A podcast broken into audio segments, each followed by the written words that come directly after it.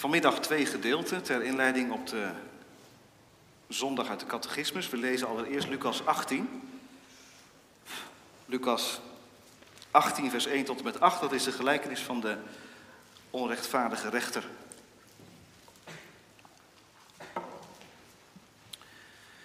Lucas 18, vers 1 tot en met 8. En Jezus sprak ook een gelijkenis tot hen met het oog daarop dat men altijd moet bidden en niet de moed verliezen. Hij zei, er was in een zekere stad een rechter die God niet vreesde en geen mens ontzag. En er was een weduwe in dezelfde stad en zij kwam voortdurend naar hem toe en zei, doe mij recht tegenover mijn tegenpartij. En hij wilde een tijd lang niet. Daarna echter zei hij bij zichzelf, Hoewel ik God niet vrees en geen mens ontzie, toch zal ik, omdat deze weduwe mij lastig valt, haar recht doen, opdat zij uiteindelijk niet komt en mij in het gezicht slaat.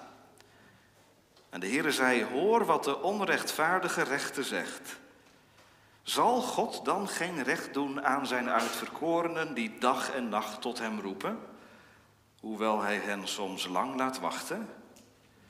Ik zeg u dat hij hun met spoed recht zal doen. Maar zal de zoon des mensen, als hij komt, wel het geloof op de aarde vinden? Dat is de eerste schriftlezing. Vervolgens Hebreeën 10, vers 19 tot en met 22.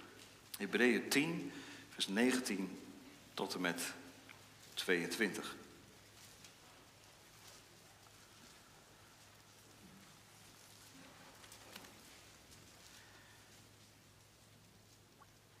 Deze brief staat vol met symboliek vanwege de tempeldienst. En die symboliek komen we ook nu tegen. Als wij Hebreeën 10 lezen, vers 19, omdat wij nu, broeders, vrijmoedigheid hebben om in te gaan in het heiligdom door het bloed van Jezus, langs een nieuwe en levende weg, die Hij voor ons heeft ingewijd door het voorhangsel, dat is door zijn vlees en omdat wij een grote priester hebben over het huis van God, laten wij tot Hem naderen met een waarachtig hart, in volle zekerheid van het geloof, nu ons hart gereinigd is van een slecht geweten en ons lichaam gewassen is met rein water. Tot zover. Hebreeën 10. Dan lezen we nu um, zondag 45. Vanmiddag vraag en antwoord 116. Volgende week vraag en antwoord 100. 17, zondag 45, vraag en antwoord 116. De vraag wordt gesteld: waarom hebben de christenen het gebed nodig? Antwoord: omdat het gebed het voornaamste deel van de dankbaarheid is die God van ons eist.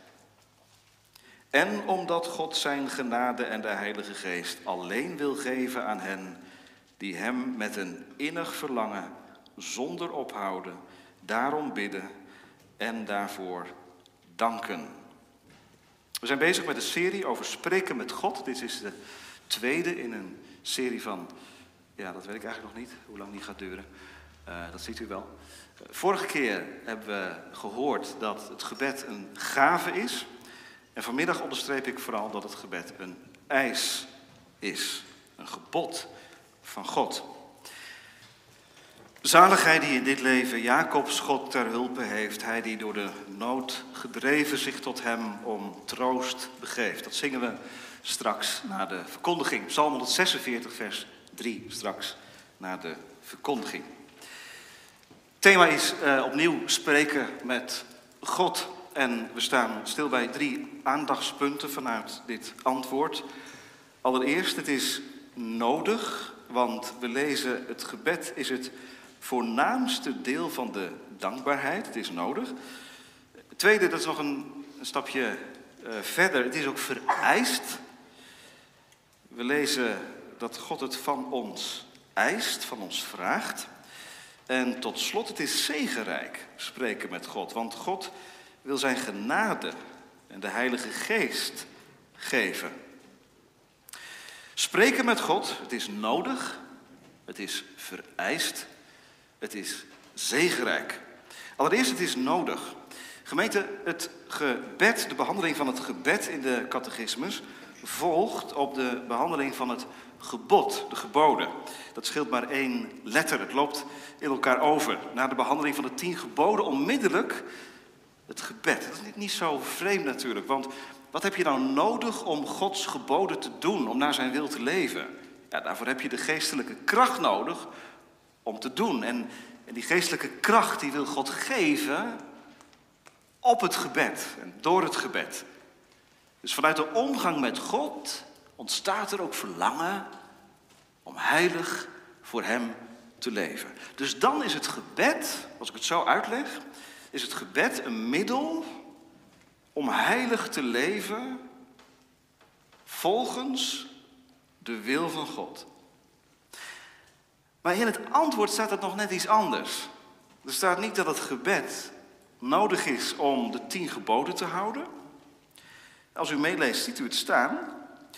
Het gebed is onderdeel van het leven van de dankbaarheid. Het staat er nog iets sterker. Het gebed is het belangrijkste onderdeel van een dankbaar leven.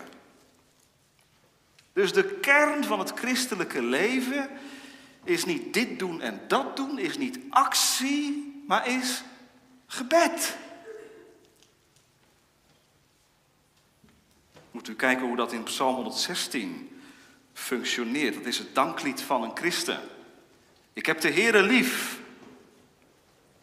Waarom, kinderen, heb je God lief? Omdat Hij mijn stem hoort. Omdat Hij mijn gebed hoort. Hij neigt zijn oor tot mij. En weet je waar dat op uitloopt? Luister goed. Daarom zal ik Hem al mijn dagen aanroepen. Daar heb je het. De liefde van God die uitgestort wordt in je hart, wekt wederliefde. En die wederliefde komt tot uiting volgens Psalm 116 in het elke dag God zoeken en aanroepen in het gebed. Nou, dat is dus heel bijbels hè, als de catechismus het zo formuleert. Het gebed is het voornaamste deel van de dankbaarheid. Nogmaals, het leven van de dankbaarheid is dus niet allereerst dingen doen en dingen niet doen. Het is allereerst je ogen gericht houden op de auteur van het geloof. De focus gericht houden op de Heer Jezus Christus, op je heiland die je gered heeft. Daarom ben je christen. Je bent verlost. Door het werk van Christus. En dan ga je niet dingen terugdoen als een soort tegenprestatie.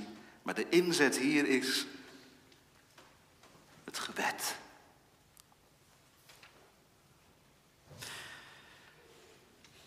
Hier zijn vast mensen die uh, uh, opvattingen hebben over wat een gezond levenspatroon is. Hebt u misschien boeken over gelezen, misschien wel cursus over gevolgd. Als ik aan tien mensen uit de gemeente vraag, vertel me eens, wat is een gezond levenspatroon? Of hoe kun je uh, goed bewegen?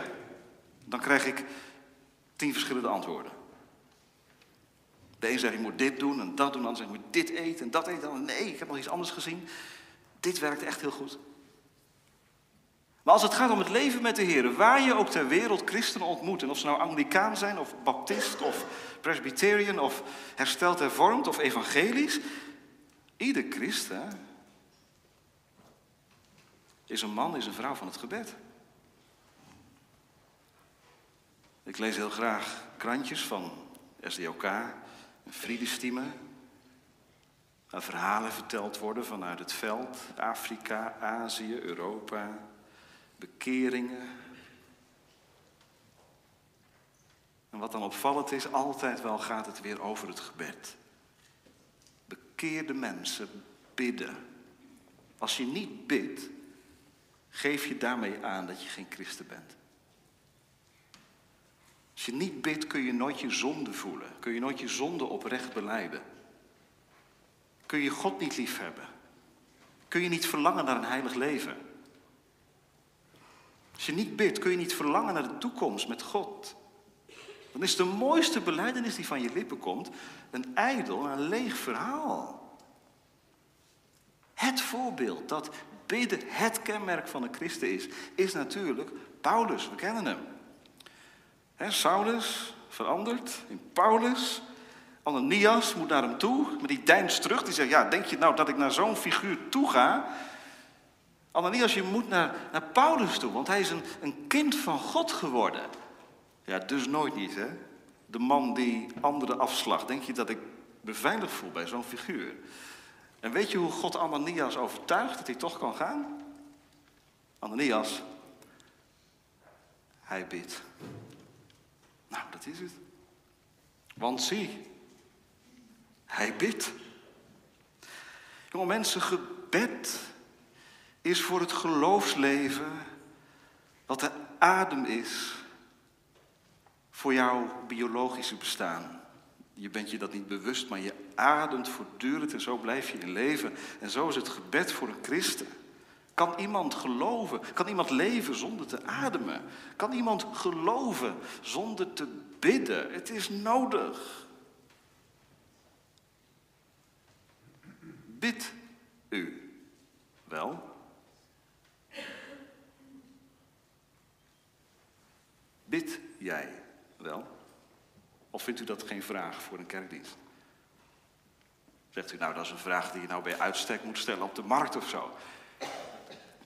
Om daar eens een goed gesprek over te voeren. En toch ga ik er niet van uit dat iedereen hier bidt. Daar ga ik gewoon niet van uit.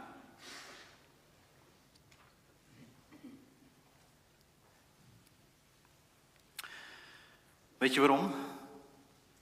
Ik kom tot de conclusie Zeker nadat ik mezelf een beetje beter heb leren kennen, dat bidden niet vanzelf gaat. En ik weet niet of u het herkent, maar ik merk bij mezelf de neiging om dat wat in het verborgen plaatsvindt, het gebed,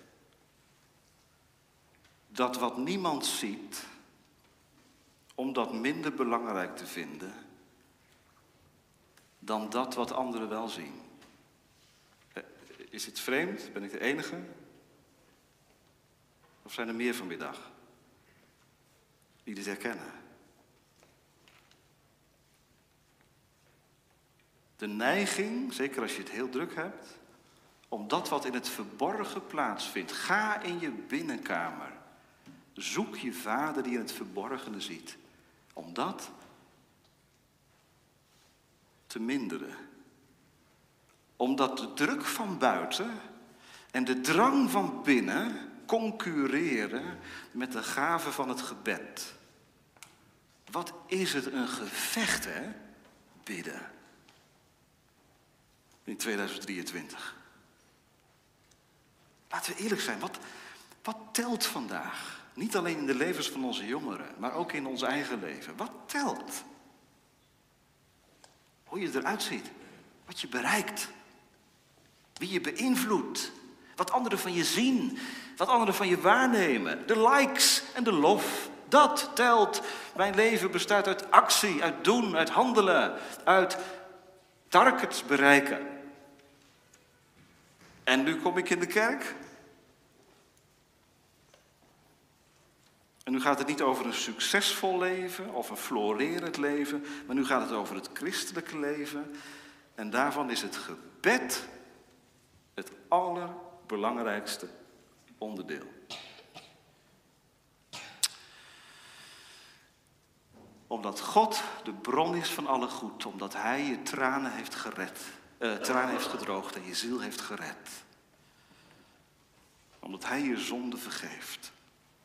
Het gebed. Even voor de duidelijkheid, God heeft het niet nodig hoor, het gebed. God verlangt er wel naar en God roept er ook toe op, maar God heeft het niet nodig of zo. Wij hebben het nodig. God vraagt het van ons. En je eert God ermee als je het doet, bidden. Je hebt vast wel eens een babytje horen huilen, hè? Moet je dat leren, huilen? Als het goed is, gaat het vanzelf als een kindje geboren wordt. Dan huil je. En een moedergevoel, moedergevoel weet onmiddellijk als een kind huilt, dan moet ik er zijn. Dan ben ik nodig, dan wil ik helpen, dan wil ik koesteren, dan wil ik voeden. Als je nou vanmiddag hoort, als jongen van 18, hey, heel druk met je studie. Nou, het is bijna vakantie, maar goed. Je bent heel druk. En je hoort dit beeld hè, van het babytje. Bidden is het belangrijkste onderdeel van het christelijk leven. Denk dan eens aan het babytje. Wat is bidden? Het is je hart laten gaan. Je binnenste tonen. Je behoeften en zorgen en noden. Gewoon je hart voor God openen. Zoals een baby doet. Huilen. En dan komt er zomaar een psalmregel in mijn boven vanmiddag. Op uw noodgeschrei deed ik grote wonderen. Je hebt geen hoog IQ nodig. Je hoeft geen boeken te lezen over gebed of zo. Roep God aan. Zoals een baby dat doet. Maar ja, zegt iemand, kan dat wel als je onbekeerd bent? Want het gaat hier over christenen. Ik ben onbekeerd. Hoort de Heere God dan wel? Nou, bidden is een eis voor ieder mens. Roep God aan. Hoe vaak lezen we dat niet in de Bijbel? Zoek de Heer terwijl hij te vinden is. En dan gaat het niet over christenen, maar dan gaat het over alle mensen op de aarde. Wend u naar mij toe en word behouden. Alle einden van de aarde. Dus bidden is een eis voor ieder mens. Maar als je nou zegt, en ik hoop niet dat je dat makkelijk zegt, maar dat je dat zegt omdat je ermee zit, ik ben onbekeerd. Weet dan dat er in de Bijbel beloften staan voor je. Ik zal er twee voorlezen. Ezekiel 36, vers 26 en 27. Ik zal u een nieuw hart geven. Een nieuw hart. En een nieuwe geest in uw binnenste. Ik zal dat keiharde, gevoelloze, kille hart van jou uit je lichaam wegnemen en je een hart van vlees geven. Ik zal mijn geest in je binnenste geven. Ik zal maken dat jij in mijn verordeningen wandelt. En dat je mijn bepalingen in acht neemt en ze houdt. Dat zijn Gods beloften voor jou. En in welke weg, in welke weg vervult God zijn beloften? Luister, vers 37 van hoofdstuk 36 zegt het. Ik zal hierom door het huis van Israël gevraagd worden om dit voor hen te doen. Hoor je dat? Dit is de weg, bidden. Niet God moet het doen. Of er moet wat gebeuren met de mens. Of als God mij hebben wil, dan vindt hij mij wel. Of ik moet uitverkoren zijn. Dat zijn allemaal uh, afleidingsmanoeuvres. Voor jou, voor u, geldt deze belofte. En vergeet dus niet, dit is de weg. Hierom zal ik door het huis van Israël gevraagd worden om dit voor hen te doen. En dan nog iets. Want ik kan me ook voorstellen dat er mensen zijn die zeggen soms, zie ik, ja, ik weet dat het hoort en zo bidden. En ik geef mijn kinderen het mee en ik sla geen dag over. Maar toch bekruipt me soms wel het gevoel, heeft het zin bidden? En dat is van de duivel. Die gedachte. Want de duivel die wil je horizontaal laten denken. Niet nadenken over de toekomst. Niet nadenken over het leven voor je. Maar het leven in het hier en nu. Je wordt bedwelmd door de boze. Het gebed is je kracht, maar het is ook je zwakke plek, Christen. En de duivel duwt daarop in deze tijd. En hoe doet hij dat? Nou, bijvoorbeeld door verstrooiing. Dat is dus een, dat is een woord wat betekent dat je met alles, van alles en nog wat bezig kunt zijn en het gewoonweg ja, vergeet. en het maar laat gaan. Wie het gebed laat gaan, die zal merken, je wordt uitgemergeld. De wereld wordt klein, alles om je heen wordt mistig. Heb ik het vanmiddag over jou, over u? Zijn er mensen bij wie het gebedsleven in een, uh, in een dal is geraakt? Of zijn er misschien zelfs mensen onder ons die gestopt zijn met bidden? Kan ook. En de draad niet meer opgepakt hebben. Ja, het is geen technisch probleempje, hè, bidden. Zo van, uh, de auto doet het niet, ik breng hem naar de garage en dan uh, wordt hij wel weer gemaakt. Nee, bidden, dan kom je in een andere wereld. Je heft je ziel op. Dat heb je nodig. Christen. Dit leven is vlak en horizontaal. En de duivel wil je laten geloven dat dit is wat telt. Dat dit is wat het belangrijkste is. Maar een christen zegt nee, het gebed is nodig. Het hoort bij het leven met de Heer. Die verticale band met Hem, die moet onderhouden worden.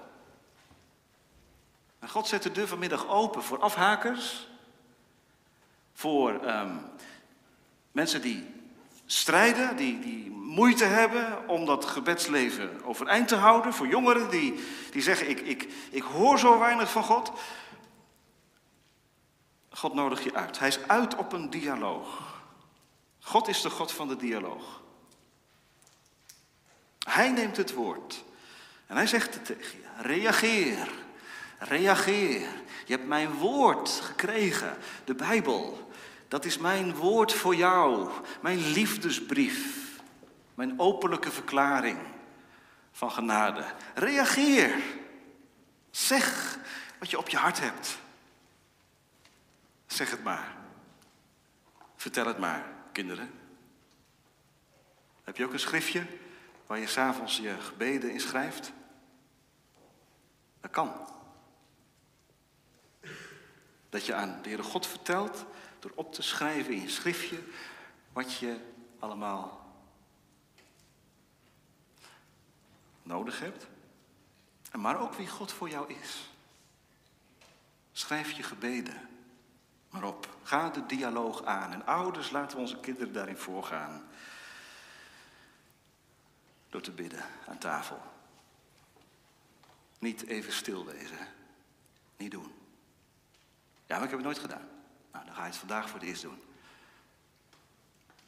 Ja, maar dat is moeilijk. Ja, wat dacht u? Dat ik het makkelijk vind. Wie vindt het dan niet moeilijk? Hardop bidden. Iedereen hoort je. Je kinderen, je pubers aan tafel. Toch doen. Waarom? Het gebed is het belangrijkste onderdeel van de dankbaarheid. Laten we onze kinderen vertrouwd maken met het gebed. Het hoort er gewoon bij. En het hoeft niet formeel, alleen maar rond de maaltijd. Het mag, het mag ook overdag. Het mag als je straks op vakantie gaat en in de auto zit. En zegt, zullen we, zullen we samen bidden voor een goede reis, een veilige reis? Is niet raar? Dat is een beleidenis dat, dat God erbij mag zijn en moet zijn.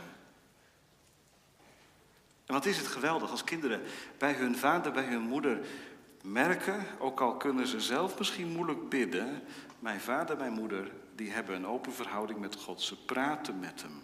Het is gewoon voor ze. Het hoort erbij. Nou, genoeg over het eerste punt. Het is nodig. Maar nu het tweede. Het is ook vereist. Want God zegt, God, of eh, de catechisme zegt, God eist het van ons. God vraagt het gebed van zijn volk.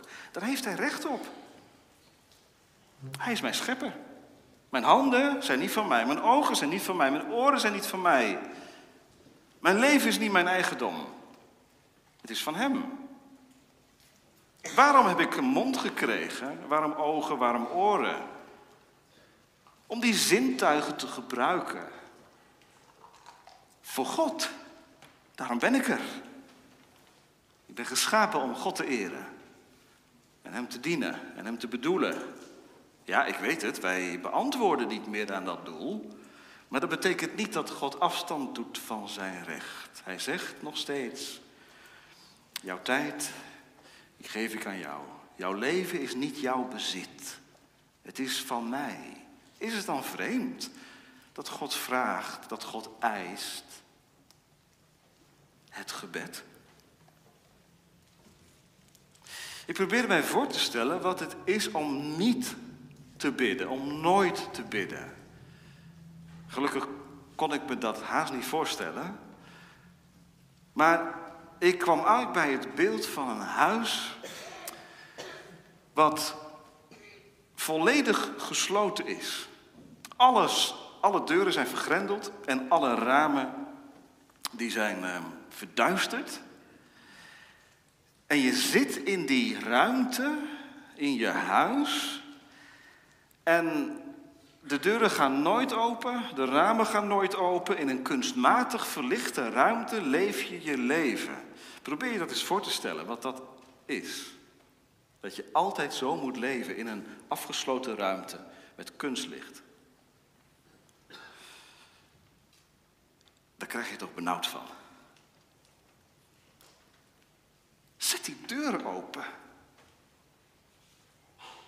Zet die ramen open. Ruik de geuren en, en zie de kleuren. Er is veel meer dan het leven waarvan ik denk, dit is het. God eist, vraagt het gebed. En hij vraagt het vooral van de christenen. Waarom hebben de christenen het gebed nodig?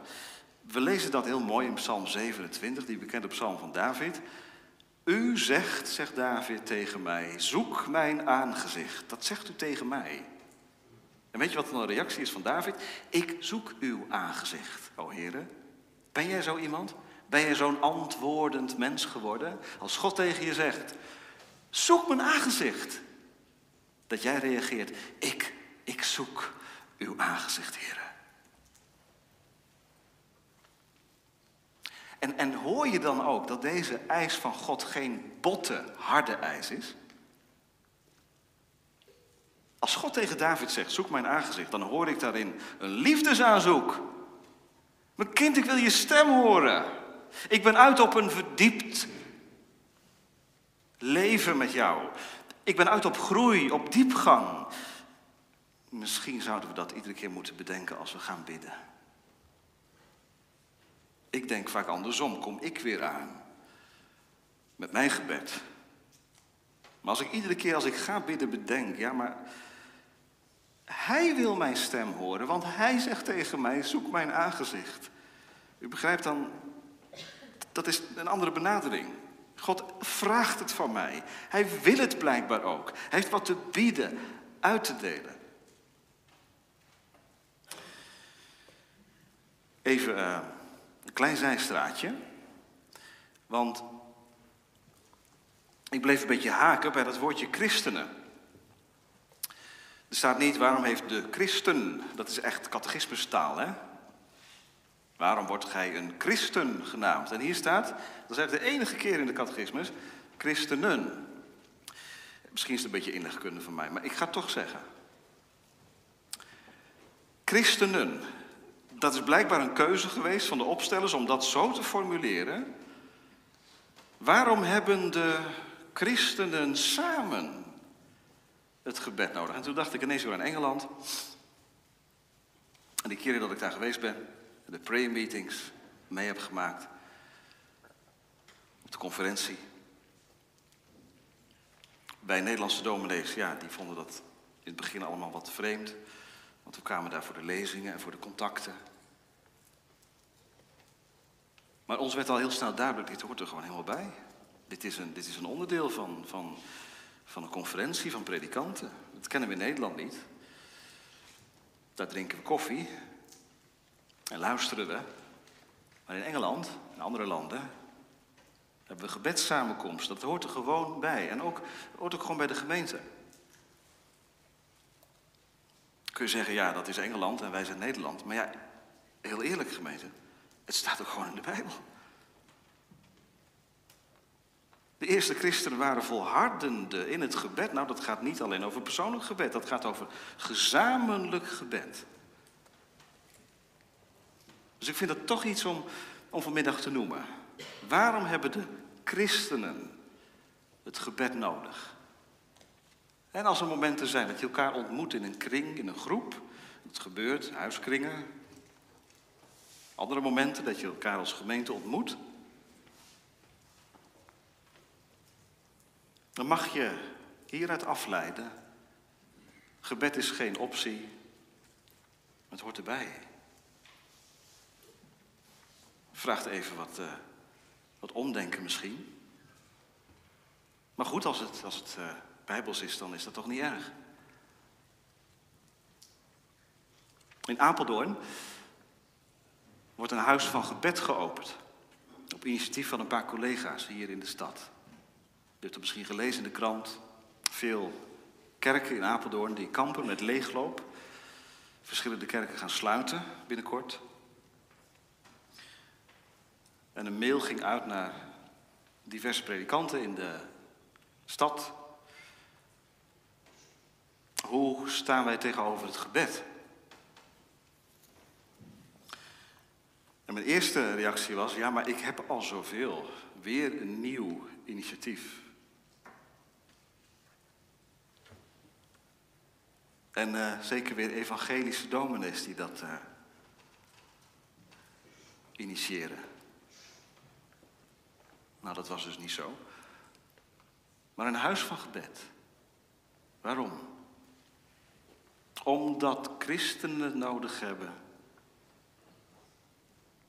Omdat gemeenten het nodig hebben, omdat dominees het nodig hebben. Deze gedachten kwamen boven bij de voorbereiding en ik deel ze gewoon open met u. We gaan verder. Want misschien dat iemand zegt, ja, God uh, eist het gebed, God vraagt het gebed, maar hoe zit het dan met God die alles weet? Zijn plan staat toch vast? Wij bidden omdat God het van ons vraagt. En daarmee zou iedere discussie gesloten kunnen worden. Maar bovendien weet je waarom dit hier ook staat? Omdat God het van ons eist, omdat God wel weet dat wij het nodig hebben. Gebed geeft orde aan die chaos in de binnenwereld van ons.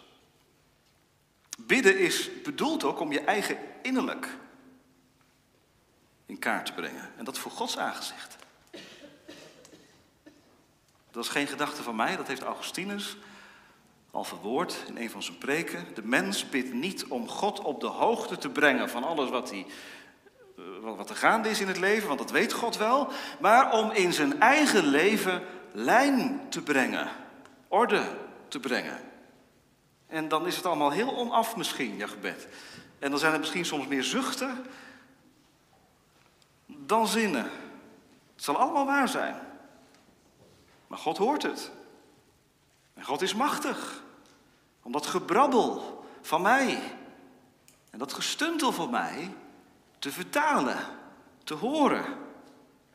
Hij is als een vader die het gebrabbel van zijn eigen kinderen hoort en weet wat zijn kind bedoelt.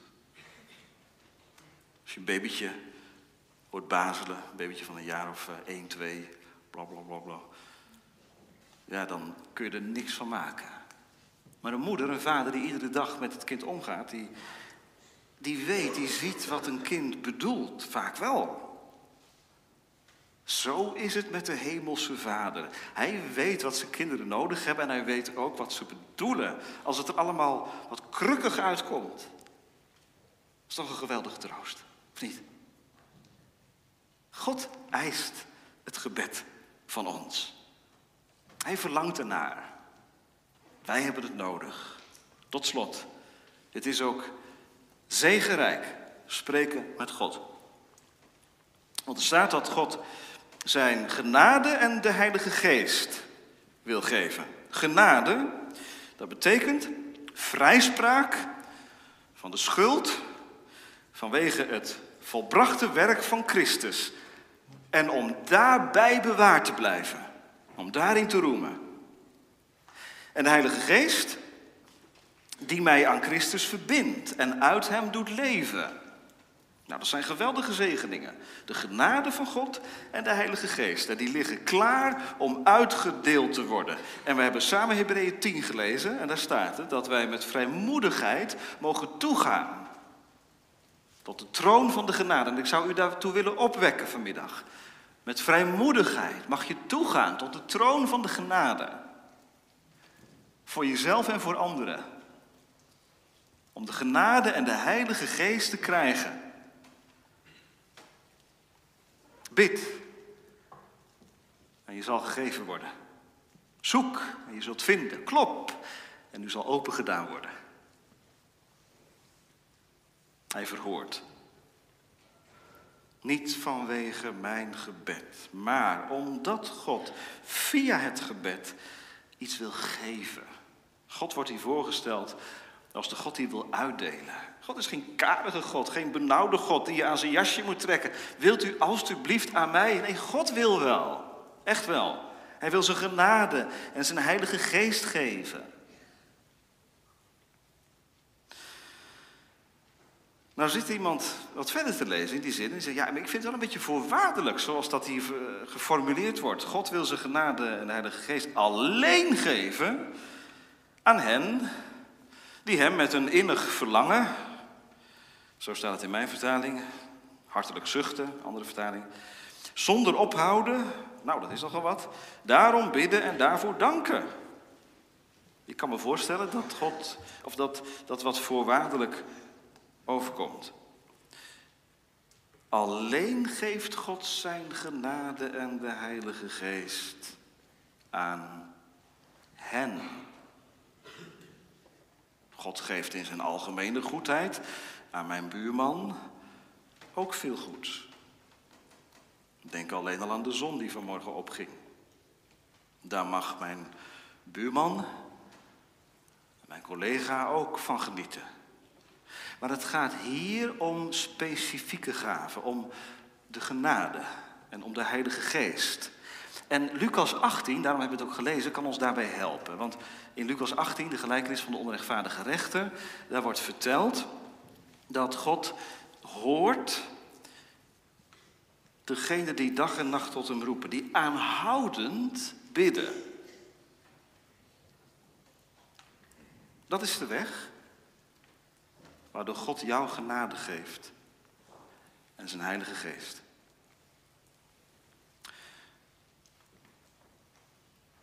Aanhoudend. Want tot hoeveel mensen, gemeente, zou God niet kunnen zeggen: Wil jij eigenlijk wel waar je om vraagt?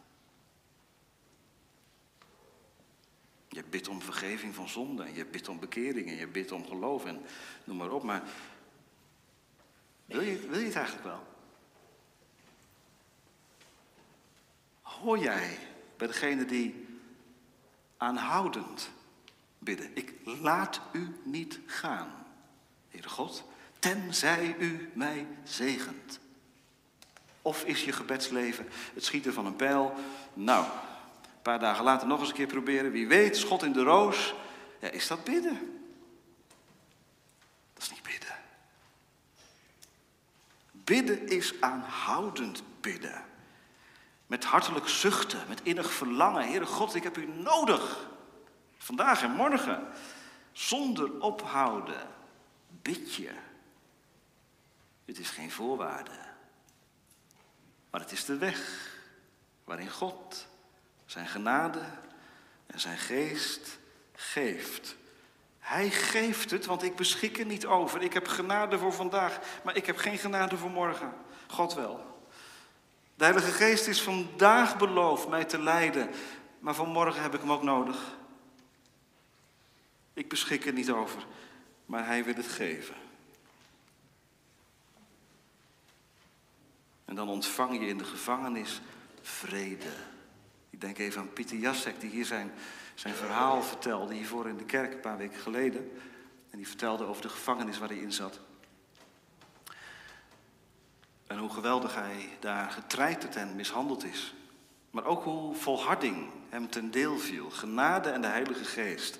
Er werd voor hem gebeden door de thuisgemeente. En hij bad zelf. Vurig. Bid je zo. Om de genade en de Heilige Geest. Niet vergeten te danken, hè? Dat staat er ook bij. Gaat niet alleen over bidden, ook over danken. Nou, zegt die man, danken terwijl je het nog moet krijgen. God wil zijn genade en Heilige Geest geven, die hem zonder ophouden daarom bidden en daarvoor danken. Ja, inderdaad. Danken voor iets wat God nog kan geven. Dat kan. Dat hoort bij bidden. Heer, ik dank u dat ik weet dat u de God bent die genadig is en genade geeft. Om te leven, veerkracht, geestelijke moed om het vol te houden, hoop op het eeuwige leven, kracht om vanmorgen, voor morgen te strijden met mijn, met mijn zonde. Ik, ik dank u ervoor dat ik bij u mag komen en dat u dat geven wilt. Bidden en danken. Ze liggen tegen elkaar aan, ze horen bij elkaar. Danken. Daar is alle reden toe. Wie dankt, kijkt naar de gever. Wie dankt, die verliest zich zomaar in aanbidding. Dan vergeet je jezelf. En dan ben je vol van Hem. Dat is aanbidding. De hoogste vorm van bidden. God, u bent een overvloedige fontein van alle goed. En ik kom vandaag, vanmorgen, vanavond in de auto, achter mijn bureau, bij u, met lege handen.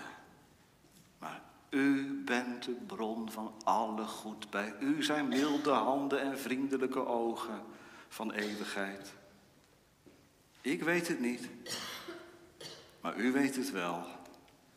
Schenk wat u geven wilt. Wat zijn we gezegend, gemeente. Dat wij dit gebed als middel, als communicatiemiddel gekregen hebben van onze God. Zalig ben je. Gelukkig ben je. Als je in dit leven Jacobs God tot je hulp hebt, dan is spreken met God de kern van je leven. Geniet je van relaties, vrienden, gezin, gemeente. Maar welke vriend is onze Jezus, die in onze plaats wilde staan en met wie ik door Gods genade in verbinding verbinding mag leven. Dank u, Heere, voor het gebed wat u geeft en wat u vraagt. Amen.